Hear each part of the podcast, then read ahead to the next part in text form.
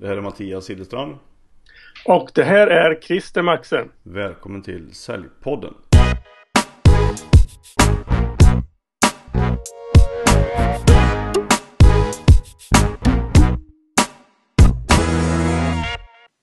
I det här avsnittet av Säljpodden så introducerar vi något som heter Säljpodden Intervju.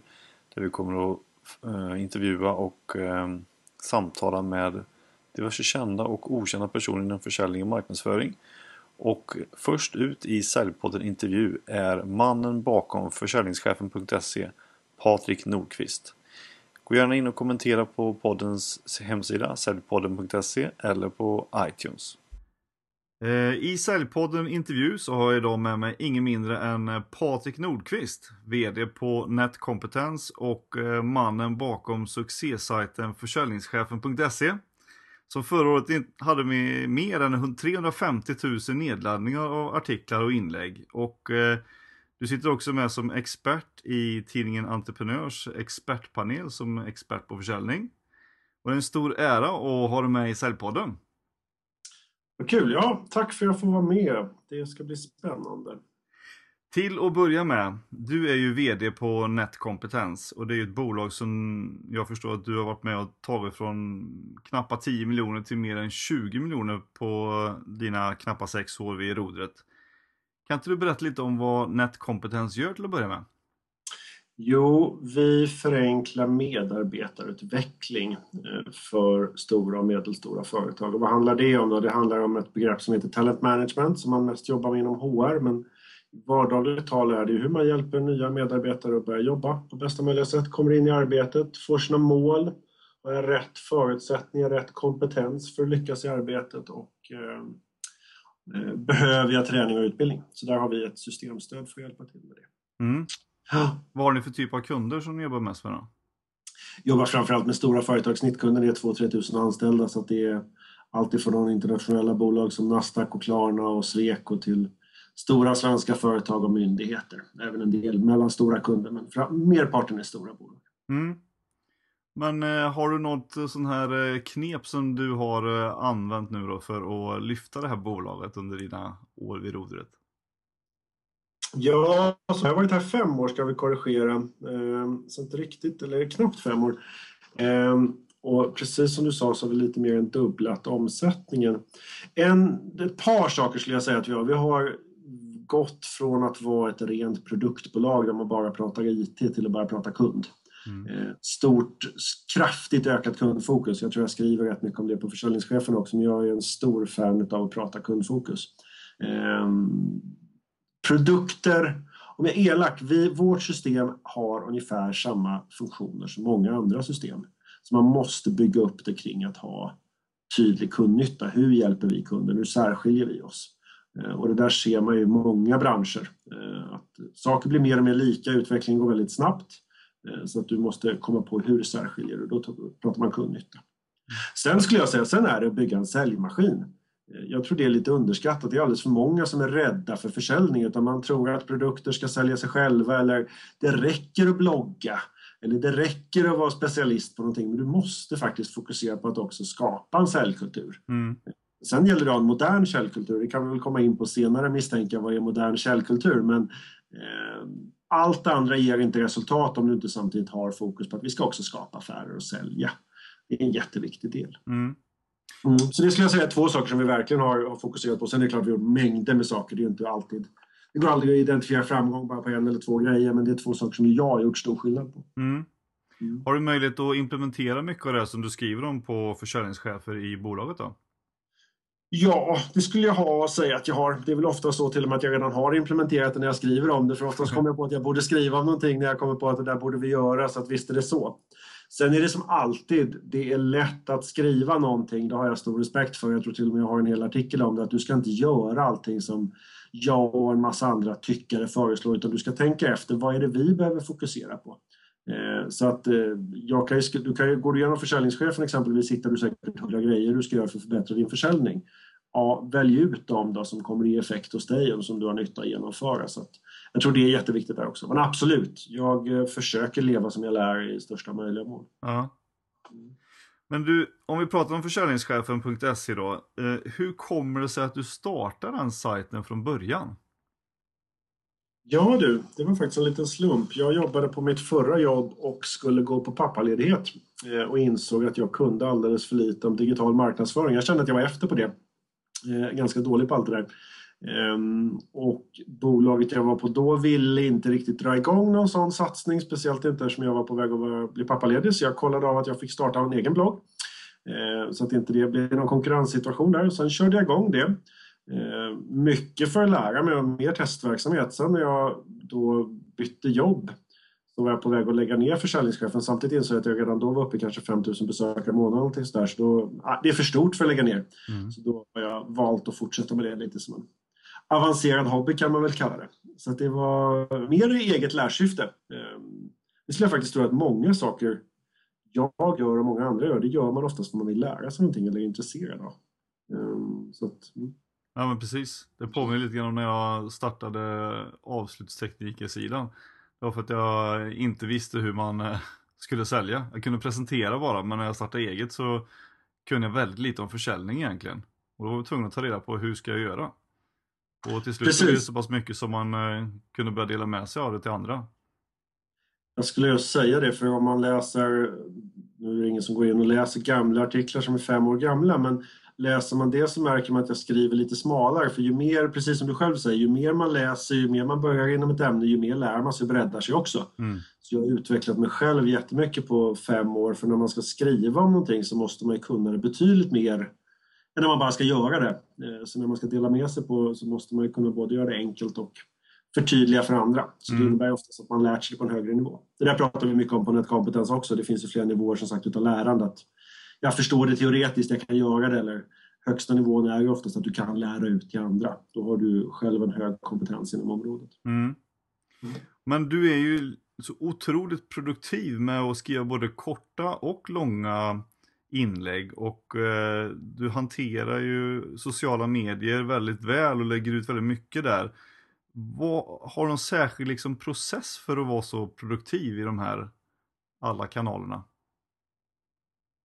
Mm, tänkte låta kaxig, jag är nog ganska produktiv i grunden. Jag är rätt disciplinerad och strukturerad så där har jag en fördel eh, jämfört med många här förstått. Men jo, en, en taktik jag använder är ju oftast att jag försöker djupdyka inom ett område.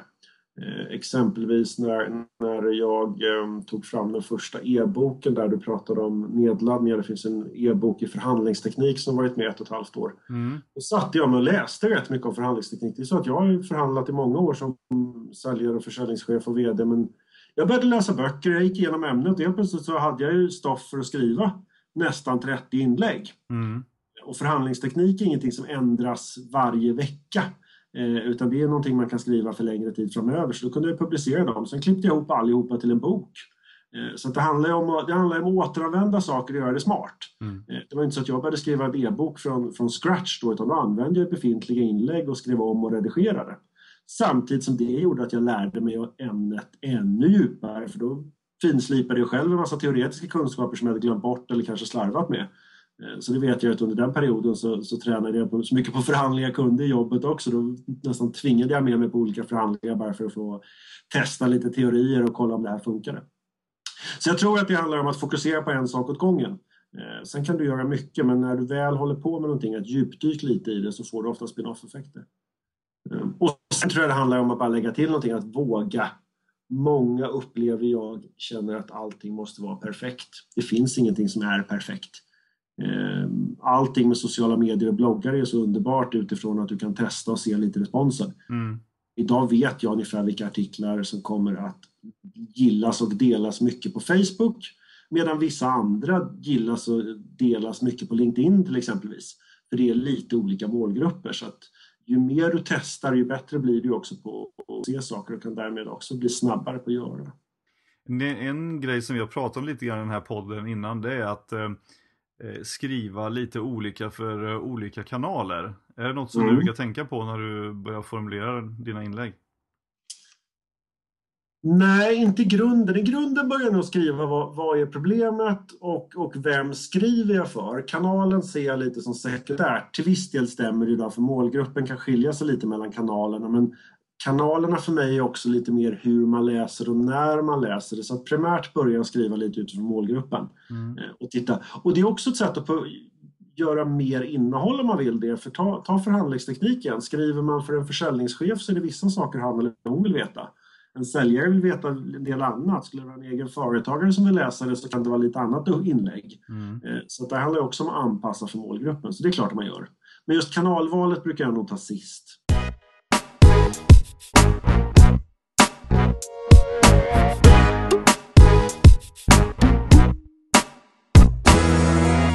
om man tänker på de inläggen och så som du har du några bra program som du använder för att förenkla och automatisera både publicering och lead generation och uppföljning och sådär? Som du kan dela med dig om? Ja, jag använder väl ett gäng program. Jag ska inte säga att jag alla i huvudet, men nu har jag faktiskt till och med satt in ett litet enkelt marketing automation system bakom på försäljningschefen för att leverera e-böcker och ha koll på sånt där. Mm. Ehm, så jag har Wordpress i grunden när jag driver bloggen. Ehm, sen har jag testat att ha en massa plugin av olika slag. Nu har jag mm, vad heter det då? Hootsuite heter det som, ehm, som, som levererar inläggen till olika sociala mediekanaler. Men det är liksom så standard via RSS-flöden. Mm. Nu kör jag Active Campaign och testar eh, just nu för att leverera alla nyhetsbreven och eh, leverans av e-böcker och lite sådana här saker. Mm. Eh, så att ja, jag har nog ett gäng program som hjälper till med olika grejer. Där har jag nog varit, nej, jag är inte superteknisk men jag tycker teknik är ganska kul så jag har nog testat saker. Alltså det, är inte, det har inte varit alltid väl genomtänkta beslut. Det är ju så enkelt och billigt idag också. Mm. Det finns ju oftast ett gratis plugin, man laddar ner och testar. Mm. Bra så har det blivit kvar, har det inte funkat så har jag slängt bort det. Men ja, automatisering är en viktig grej. Jag jobbar ju inte med det där speciellt ofta utan jag skriver inlägg, jag lägger upp dem. Sen är det klart att jag skriver lite spontant ibland också men det finns saker för ett bra tag framöver mm. eh, som spottar ut när jag har mycket att göra på Netcompetence och andra ställen. Mm. Jag vet att det finns lite olika skolor där en del säger att man ska blogga dagligen så att man gör det ärligt och hela tiden lever med det. Jag, jag är nog mer för att man kan förbereda ganska mycket och ha det inlagt för en tid framöver. Klart mm. att det inte är en inlägg för flera år framöver men har du några månaders inlägg så kan du skjuta och ändra lite på det också så att du inte alltid känner press över att ha en kontinuitet. För det tror jag just är det viktiga. Det är väl en av framgångarna att du är kontinuitet, om vi talar bloggande, att du har en kontinuitet. Det är väl samma sak som gäller för den här podden. Kommer den ut en gång per dag eller en gång per månad eller en gång per halvår lite blandat så kommer ingen att lyssna på det utan det är att man vet att det kommer någorlunda regelbundet. Precis. Så det, det, har jag kört stenhårt med på bloggen att det kommer. Just nu kommer det två gånger i veckan och det är samma dagar och samma tider. Eh, mm. Det, det, har ökat läsfrekvensen något enormt kan jag säga när man, är, när man har en struktur där. Mm. Mm. Vi gjorde en sån, eh, min partner på Säljpodden, Christer Maxe, är ju en copywriter. Mm. Och han testade också det här med att skicka ut eh, ett mail varje dag mm. ett tag jämfört med att skicka ut ett mail i veckan. Mm. Och öppningsfrekvensen på det som kom dagligen var ju jättemycket högre än det som kom en gång i veckan. Visst är det så. Jag gick ju från en gång i månaden till en gång i veckan, det har jag nöjt mig med nu då, men det har ju också både öppnats mer och klickats mer. Mm. Det är ju precis så, hur ofta man orkar som du säger, liksom, att man också lägger det. Men, men eh, tätare är bättre. De som verkligen är intresserade är intresserade och de andra slutar prenumerera ändå förr eller senare man tar nyhetsbrev till exempel. Ja. Är jag intresserad av ett område så vill jag oftast läsa ganska mycket. Ehm, däremot så kanske du inte prenumererar i tio år utan du, du byter efter ett år eller tröttnar när du inte, när du inte ser att det förnyar sig. Ja, precis. Men det finns en del som lyssnar på Säljpodden som är experter och auktoriteter på sina respektive områden. Men har du några särskilda tips som du kan ge till dem om hur de ska nå ut med sitt budskap på samma sätt som du gör? Ja, det beror lite på. Alltså jag, generella råd är alltid farligt, men jag skulle börja med att titta på var finns min målgrupp? Det var någon som sa jag måste börja blogga. Jag bara, ja, men vilken är din målgrupp? Och sen kom vi fram till att hans målgrupp nog inte fanns på nätet. Eh, alltså lite handlar det om Finns mina potentiella kunder, är de aktiva på nätet? Vi kan ta det på, på Netcompetence som exempelvis HR som vi säljer mot personal. Alltså. de är väldigt aktiva på LinkedIn. De är mm. där och söker jobb, eh, alltså söker inte själva jobb men söker medarbetare och eh, använder LinkedIn som ett arbetsverktyg. Det gör att det är perfekt för oss på Netcompetence som är jätteaktiva på LinkedIn. Eh, däremot om du söker som inte är aktiva på LinkedIn så är det bara korkat att vara det. Så att först ska du titta på var finns min målgrupp? Vilka kanaler är de i? Är du expert inom graf grafik eller design så skulle jag säga då ska du vara på LinkedIn. Du kan ju strunta i LinkedIn kanske. Mm. Så att du jobbar med liksom hitta rätt målgrupp. Grejen att tänka på vem är det jag vill nå till och var når jag dem? Sen handlar det om i steg två att fundera på vad är det för problem de här människorna har. Det är så många som vill dela med sig av kunskap och berätta hur duktiga de är men jag tror ofta det handlar om för att bli framgångsrik så gäller det att fundera på vad har min målgrupp för problem? Just samma sak när man har finslipat det med försäljningschefen, men, och det ska jag ärligt säga att jag velar lite, men är det entreprenörer och egna företagare som ska lösa det eller är det säljare? För där är det helt olika problemformuleringar. Du jobbar professionellt med sälj och jag som gör det ser saker på ett visst sätt medan hade jag varit egen företagare och inte varit ett dugg intresserad av sälj i grunden och mer sett det som ett onödigt ont, då har jag andra problemformuleringar. Så, mm. så nästa viktigt att fundera på vem jag pratar till och hur får jag det att funka för dem. Och sen tror jag att du ska göra det enkelt, enkelt, enkelt. Eh, många vill så gärna att det ska vara korrekt och man ska faktakolla och det ska vara länkar och det ska vara så mycket. Utan är du duktig på ett område så ska du kunna dela med dig av innehållet ganska enkelt tycker jag. Eh, mm. Sen är det alltid liksom, är du inte bra på att skriva så, så får du träna på det, men där har du en bit också. Kan lägga till, jag tror många är lite rädda för att dela innehåll för man tror att man bjuder på allting man kan. Och då är jag lite kaxig och säger att ja, är det, skulle det jag skriver på försäljningschefen vara det enda jag kan om sälja, då har jag inte mycket att komma med. Eh, för det är, så speciellt är det inte. Eh, du behöver göra mycket, mycket mer och framförallt jobba med det. Det är där mm. magin ligger. Så jag tror många, många konsulter och andra som har en kompetens tror jag ibland är lite för rädda för att dela med sig av kunskap. Mm. Jag, tror, jag tror bara man tjänar på det i längden. Men, men, du som skriver liksom så himla många olika saker då på, på försäljningschefen. Vart, hittar du inspiration och kunskapen för att hantera alla de ämnen som du skriver om? Ja, det är en bra fråga. Ett så har jag jobbat med försäljning i snart 25 år så jag har ju, jag har ju en lång erfarenhet av learning by doing om vi säger så. Då. Mm. Så mycket är ju mina erfarenheter och hur jag tolkar det. Sen så har jag sedan jag började skriva börjat läsa mycket mer kan jag säga. Ehm, jag läser rätt många amerikanska sajter och tar inspiration därifrån. En sak jag ofta gör som jag blir inspirerad av är att jag tar de här amerikanska grejerna som är ganska nytt. Om vi tar social selling exempelvis som alla mm. pratar om. Ehm, det är en halv miljard människor, eller du får en halv miljard träffar om du googlar social selling. Mm. 150 miljoner eller någonting sånt där om du googlar på climate change. Det är lite skrämmande egentligen då, men social selling är ju ett jättebassord. Mm. Samtidigt så skriver alla om det på ett ganska amerikanskt sätt eh, som inte kanske passar den skandinaviska marknaden. Så där tar jag ju ofta mycket som jag ser och får egna intryck av och gör om lite till så här funkar det i Sverige. Mm. Eh, så här skulle jag uttrycka mig, så här gör jag. Så det är ett sätt jag jobbar för att få inspiration. Jag har jättemycket om social selling men jag använder inte ordet överdrivet mycket. Det är klart att det står social försäljning någonstans och det står social, social selling men jag pratar mer om hur du ska skaffa kunder genom moderna kanaler och liknande. Det, mm. det, är ett sätt som jag får inspiration, att jag tittar på vad andra, andra pratar om och så ser jag hur kan jag översätta det här till, till våra förhållanden eller min verklighet. Just det. Mm. Men jag tror mycket det handlar om, bara för sammanfattning, du ingen kan speciellt mycket i grunden. Du måste hela tiden lära dig av andra. Och ju ja. mer du lär dig av andra, ju mer kan du dela med dig till andra eh, genom att eh, paketera, göra om och ändra. Liksom.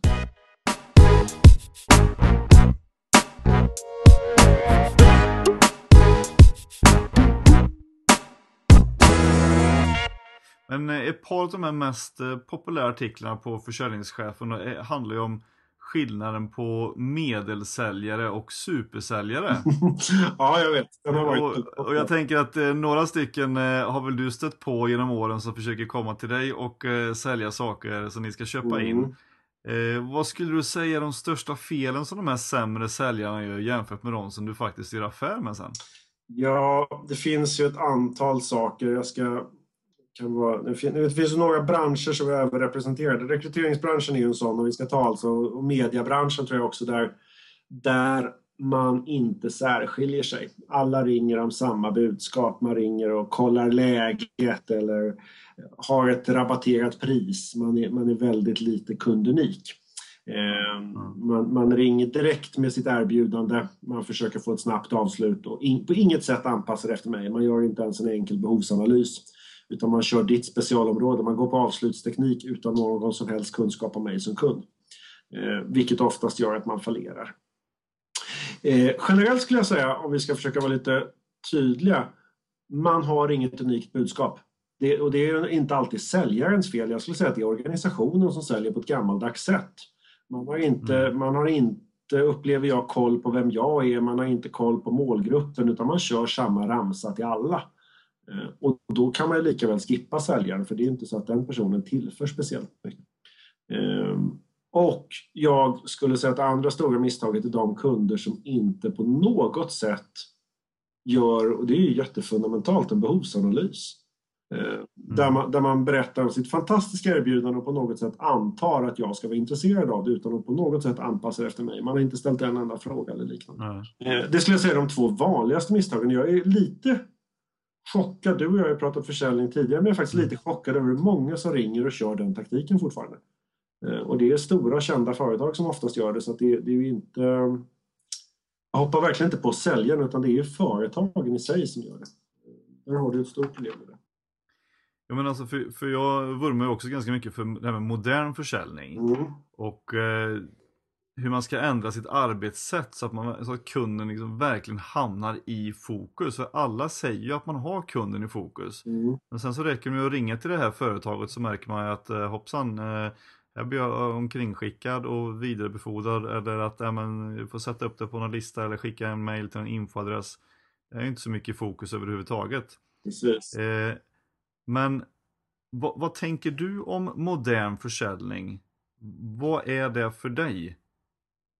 Jag skulle säga att du har kommit i ett läge där, och nu talar vi business to business i min värld, och det skiljer sig lite business to business och business to consumer, men eh, säljer du B2B så är det ju mycket viktigare att förstå din kund och din kunds affär. Och det är lite oavsett vad du ska sälja. Alltså det räcker inte bara att prata din produkt idag för där har ju de här marketing automation killarna och tjejerna rätt att det går att googla på nätet. Mm. Du som säljare förstår din kunds affär och kan anpassa ditt erbjudande till kunden så kommer du, då, då räcker det med internet. Då behöver ingen sitta och läsa om din produkt så att säga. Det går att läsa om vårt system exempelvis, ett kompetenssystem på nätet. Men de vill ju veta hur använder vi det? Hur kan vi spara pengar? Hur kan vi tjäna pengar? Så då måste jag också förstå vad vill kunden uppnå? Så det skulle jag säga är en sak. Sen har vi det här med kommunikation som vi talade om tidigare, att anpassa budskapet efter vem du pratar med.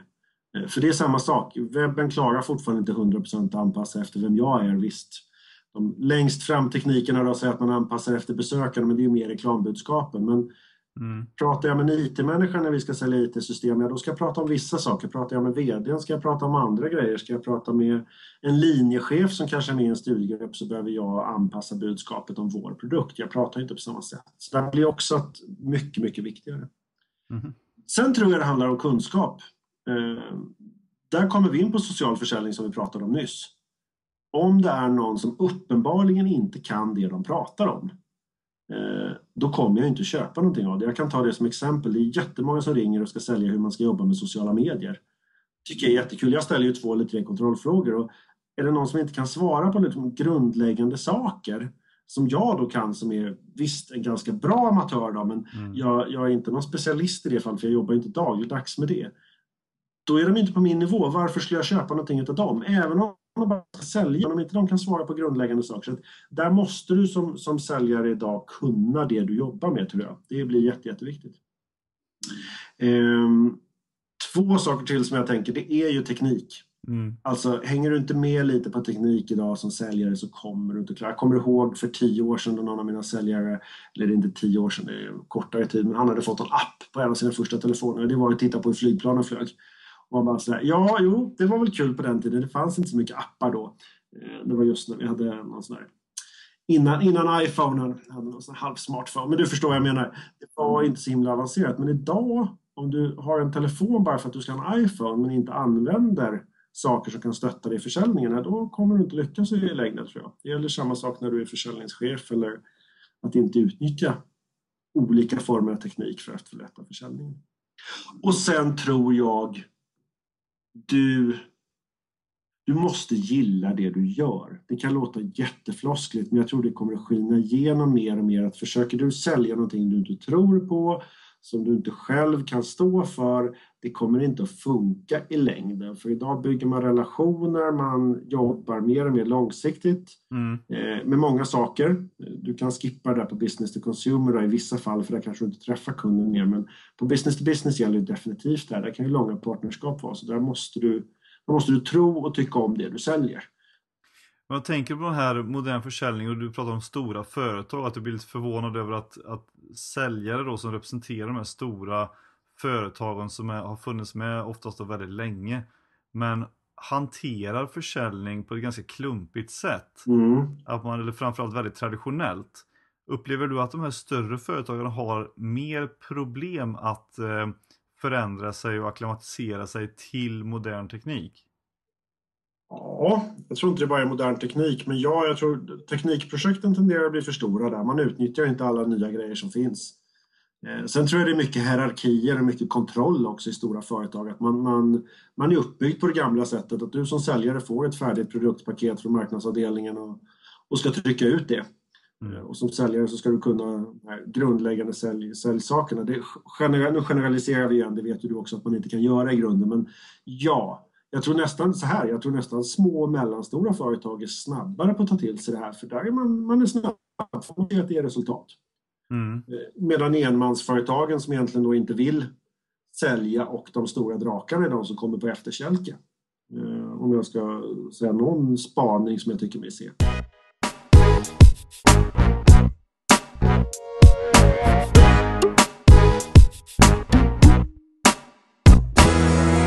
Men om man tittar på de här eh, nyaste säljmodellerna, du nämnde social selling men även challenger sales och inside selling till exempel. Mm. Vad tycker du att de tillför på säljmarknaden? Ja, nu kan vi ju skämta lite. Jag, tror, jag, jag vet att jag har skrivit det, jag ska inte säga om det är publicerat än eller inte, men jag skrev ett inlägg på försäljningschefen just om att det där är egentligen det bra säljare gjort i alla tider.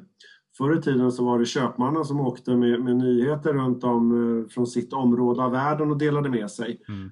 Då köpte man av köpmannen för han, han berättade vad som hade hänt på andra ställen. Eh, och de köpmän som var framgångsrika, helt övertygade om det här, kom ju tillbaka för de delade med sig bra kunskap och hade bra varor. Det fanns säkert lurendrejare då också som som drog runt och fick åka till nya marknader hela tiden för man brände folk. Men de som åkte till fasta orter är helt övertygade att de delade med sig kunskap och hade med sig saker vilket gjorde att de blev en uppskattad del av samhället. Mm. Och där tror jag det är samma sak med en säljare idag. Och det är egentligen bara andra kanaler. Ska jag köpa en komplex lösning, exempelvis men om jag vill bli bättre på att jobba med, med automatiserad försäljning och marketing automation, alla de här nyckelord som vi pratar om. Vem frågar jag?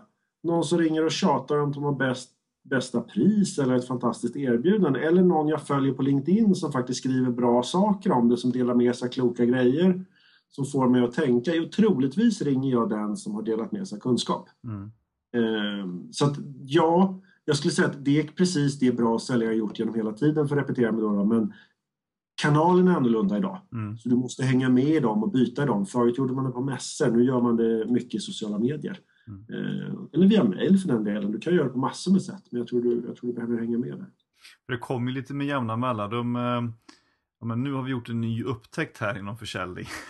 Mm. Mm. att antingen så oh, nu ska vi syssla med sociala medier eller nu ska vi automatisera hela säljprocessen. Mm. Och då är det väldigt många som pratar om det. Och så, nu ska man utmana kunderna. Då var ju det ett motargument eh, till de här. Men så gjorde man ju för 50 år sedan höll på att utmana kunderna hela tiden och då tyckte man inte om det och de har gjort om försäljningen.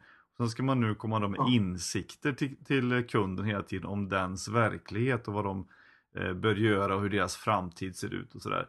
Det kräver ju ganska mycket av oss som säljare att antingen ändra vårt sätt att sälja eller anamma de här nya säljmetoderna.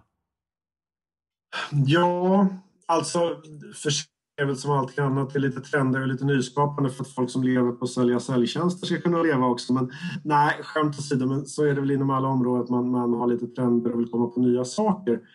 Det som jag tror skiljer sig nu och många gånger tidigare är nu håller tjänstesektorn, och nu talar vi inte bara försäljning, på att automatiseras. Eh, det är en realitet att industrin har eh, eh, automatiserats i stor utsträckning. Det har kommit robotar, man har tagit bort jättemycket moment och otroligt mycket färre industriarbetare. Lyssnar du på förståsigpåarna så säger de att du har tagit bort hälften av tjänstejobben om 10, 20, 15 år. Låt oss säga att de har fel, att det är 40 år kvar, men att det kommer, det är jag inte så osäker på. Det kommer att hända. Och då kommer det att drabba försäljning också. Det är jag helt övertygad om. Och vilka säljtjänster är det man tar bort? Jo, sånt som lika väl kan göras på nätet. Där är vi tillbaka till det här. Den här säljaren som ringer och drar ett, ett reklambudskap. Ja, det är ganska mycket billigare att mejla det eller göra någonting annat. Jag kan skicka väldigt mycket mejl och reklam mot att ha någon sitta och ringa.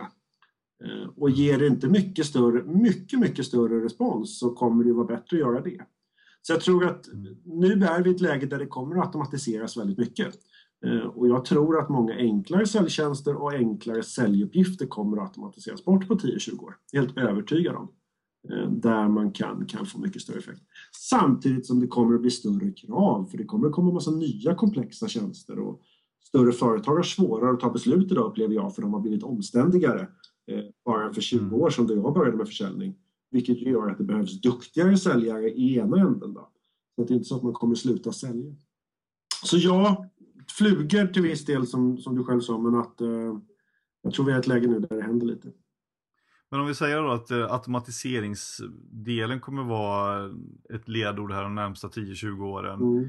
Eh, ser du några andra tendenser eller trender som du tänker att inom försäljning, att är det det här som kommer vara, vi kommer se mycket mer av i framtiden?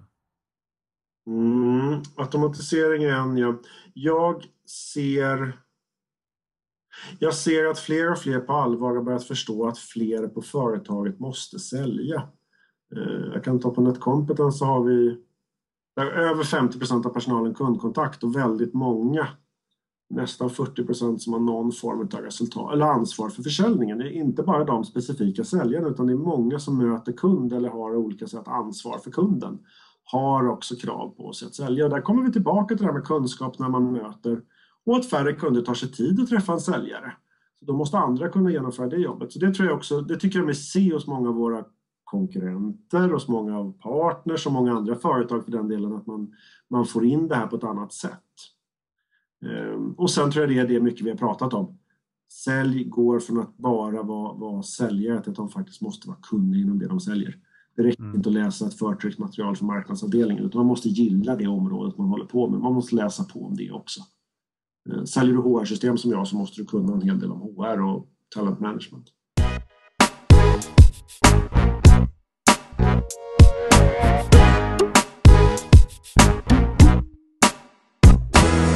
Men eftersom du då skriver så mycket om försäljning och implementerar det här i ert bolag i det här dagsläget.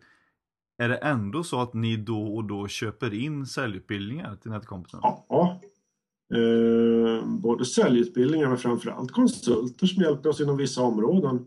Jag tror ju starkt på det. Det gör, vi, det gör vi nästan som bolag, att vi tar in de som är bäst för att också lyfta personalen eller när vi ska fokusera inom ett visst område. Eh, det gör vi både på säljet eller på produktutvecklingen för den delen också, där vi tar in specialister. Exempelvis vi har kommit igång med vår egen mer, bjuda på mer kunskap via bloggen och annat. Så där har vi haft in någon som har hjälpt oss. Även om jag kan det så vill jag in någon som var ännu spetsigare och gjort, just gjort det med IT-bolag. Mm. Och där gick jag på, återigen, hur valde jag en sån? Jo, jag valde någon som jag visste har gjort det bra. Någon som levde som de lärde och som man också hittade på det sättet via kontakter och via nätet och såg att det är en person som kan sina grejer. Mm.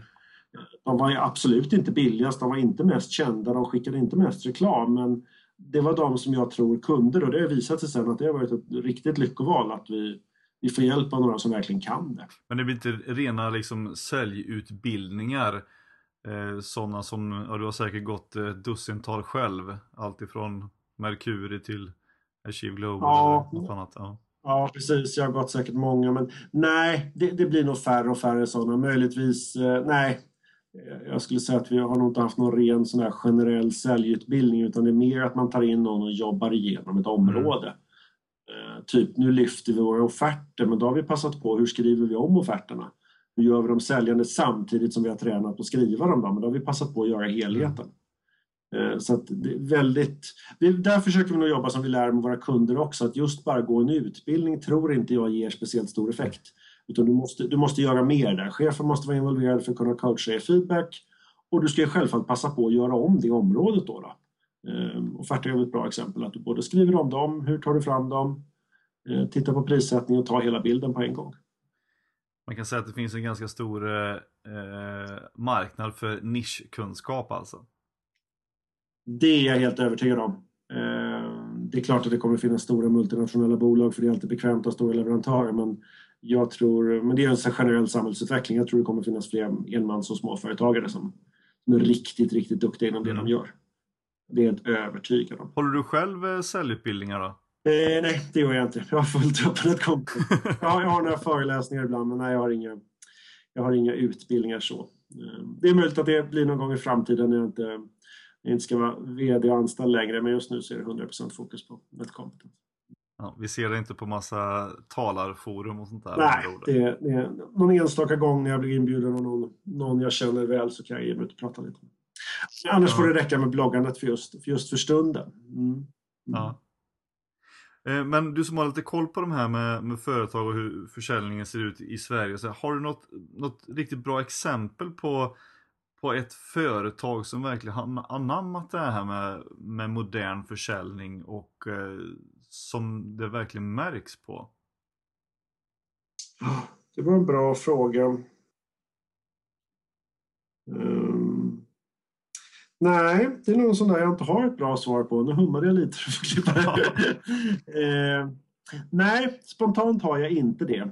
Uh, jag vet inte ens om det finns någon som har liksom blivit bäst i klassen sådär. Som är kända. Jag är helt övertygad att det finns små bolag som är duktiga på det. Men nej, jag, nej, jag kan inte säga något som jag sådär, det här skulle jag rekommendera. Som ett skolexempel? Liksom. Som ett skolexempel. Mm. Eh, skulle jag säga några som ligger långt framåt, men det är inte svenska bolag, men det är HubSpot som lever som de lär med, med marknadsföringen. De är ju mästerliga på det. Mm. Och jag skulle säga Salesforce. Ehm, jag är inte imponerad av deras, deras möten sen, men de är duktiga på att skapa den här första kontakten. Så att, jag tror det är samma sak där. Jag tror det är svårt att lyckas hela, hela kedjan. Nu låter jag negativ, men du, du kommer alltid vara bättre på ett par områden, är jag helt övertygad om. Mm. Det är svårt att vara perfekt i hela genomförandet, för det är ingen som orkar det. Utan var tror vi att vi kan lyckas bäst? Mm. Men HubSpot och Salesforce skulle jag säga är två bolag som uppenbarligen har växt explosionsartat. De har en modell som de jobbar slaviskt efter och de har varit duktiga på att lyckas med sina respektive modeller. Mm. Um, ja, nej, så det blir, bli två amerikanska bolag istället. Mm. mm. Men det är oftast de som är lite förebilder i alla fall, för vi halkar ju efter lite grann i, i Sverige på många områden eh, just vad gäller försäljning. Kunskapsmässigt. Absolut, både kunskapsmässigt och lite feghet i att göra eh, det här svenska lite lagom. Eh, så, så, vågar man inte spänna bågen och säga att det här ska vi verkligen fokusera på. Eh, och sen säger jag inte att man ska kopiera allting amerikanerna gör utan man kan anpassa det till Sverige men just angreppssättet att nu ska vi bli riktigt vassa på det här, det tror jag vi har en hel del att lära av. Mm. Sen ska man självfallet anpassa efter sin marknad som vi pratat om tidigare. Nej, det är intressant. Jag har sett några bra exempel själv också på bland annat Marketo mm. som är också i den här branschen som HubSpot och, och Salesforce. Men de ger ju ut väldigt eh, frekvent e-böcker gratis. Mm. Mm. Och det är ju e-böcker som är 6-7 sidor långa men som bara tar upp ett ämne. Och då blir det en e-bok och då skapar det ett visst intresse så vill man ladda ner den och veta mer. Så att eh, Det är också ett sånt företag som jobbar bra med informationsmarknadsföring. Absolut, och det, och det ska jag säga, det är nästan en fördel. Jag har ju två e-böcker som du kan ladda ner från försäljningschefen själv. De är på ja, vad är de, tio sidor ungefär, men du orkar inte läsa mycket längre idag. Eh, och skulle jag skriva en bok som är flera hundra sidor, då ska jag ha betalt för det. Mm. Eh, då, då ska jag ha så mycket värde så att jag kan sälja den, i annat fall så är det något fel. Men just de där e-böckerna som man laddar ner eller andra grejer ska ju vara rätt korta, för det är det jag är ute efter. Jag vill ha en väldigt komprimerad kunskap. Mm. Eh, så det tror, jag, det, tror jag, det tror jag stämmer på många sammanhang. Korta ner och förenkla kunskap. Precis. Men de två e-böcker som finns på försäljningschefen det är ju dels eh, hur man blir en mästare på förhandling. Vilken är den andra? säljande presentationer kom i början på året så den har, jag tror tusen personer laddat ner än så länge men laddas ner stup i kvarten. Mm. Eh, så det ska nog dra igång ganska bra där också. Mm. Har du några korta eh, tips ur den e-boken så, e så att eh, lyssnarna här nu ska ta och direkt gå och eh, ladda ner den? Ja, jag kan faktiskt ta vad jag börjar med, för alla presentationstekniksböcker börjar med hur man ska presentera, men jag har lagt ett eh, ganska gediget kapitel om målgruppen. Eh, precis som jag slog eh, ett slag för förut, att ta reda på vem är du ska prata med och hur ska du anpassa dig efter dem. Mm. För det är samma sak där, presentationsteknik är en konst i sig, men vet du vem du ska prata med för och till så blir ju allting mycket enklare och speciellt i de sammanhangen du vill få gruppen att agera. Ehm, som du och jag vill oftast att vi vill att någon ska köpa någonting eller gå vidare med någonting. Men även om du vill påverka någon att ta ett beslut så, så lär känna din målgrupp så har du vunnit halva slaget om en bra presentation säger jag. Mm. Mm. Förutom dina egna två e-böcker finns det några andra böcker som du eh, gärna rekommenderar till andra om eh, försäljning och marknadsföring? Den där frågan skulle jag ha förberett. um, ja, du... Uh, vi börjar om.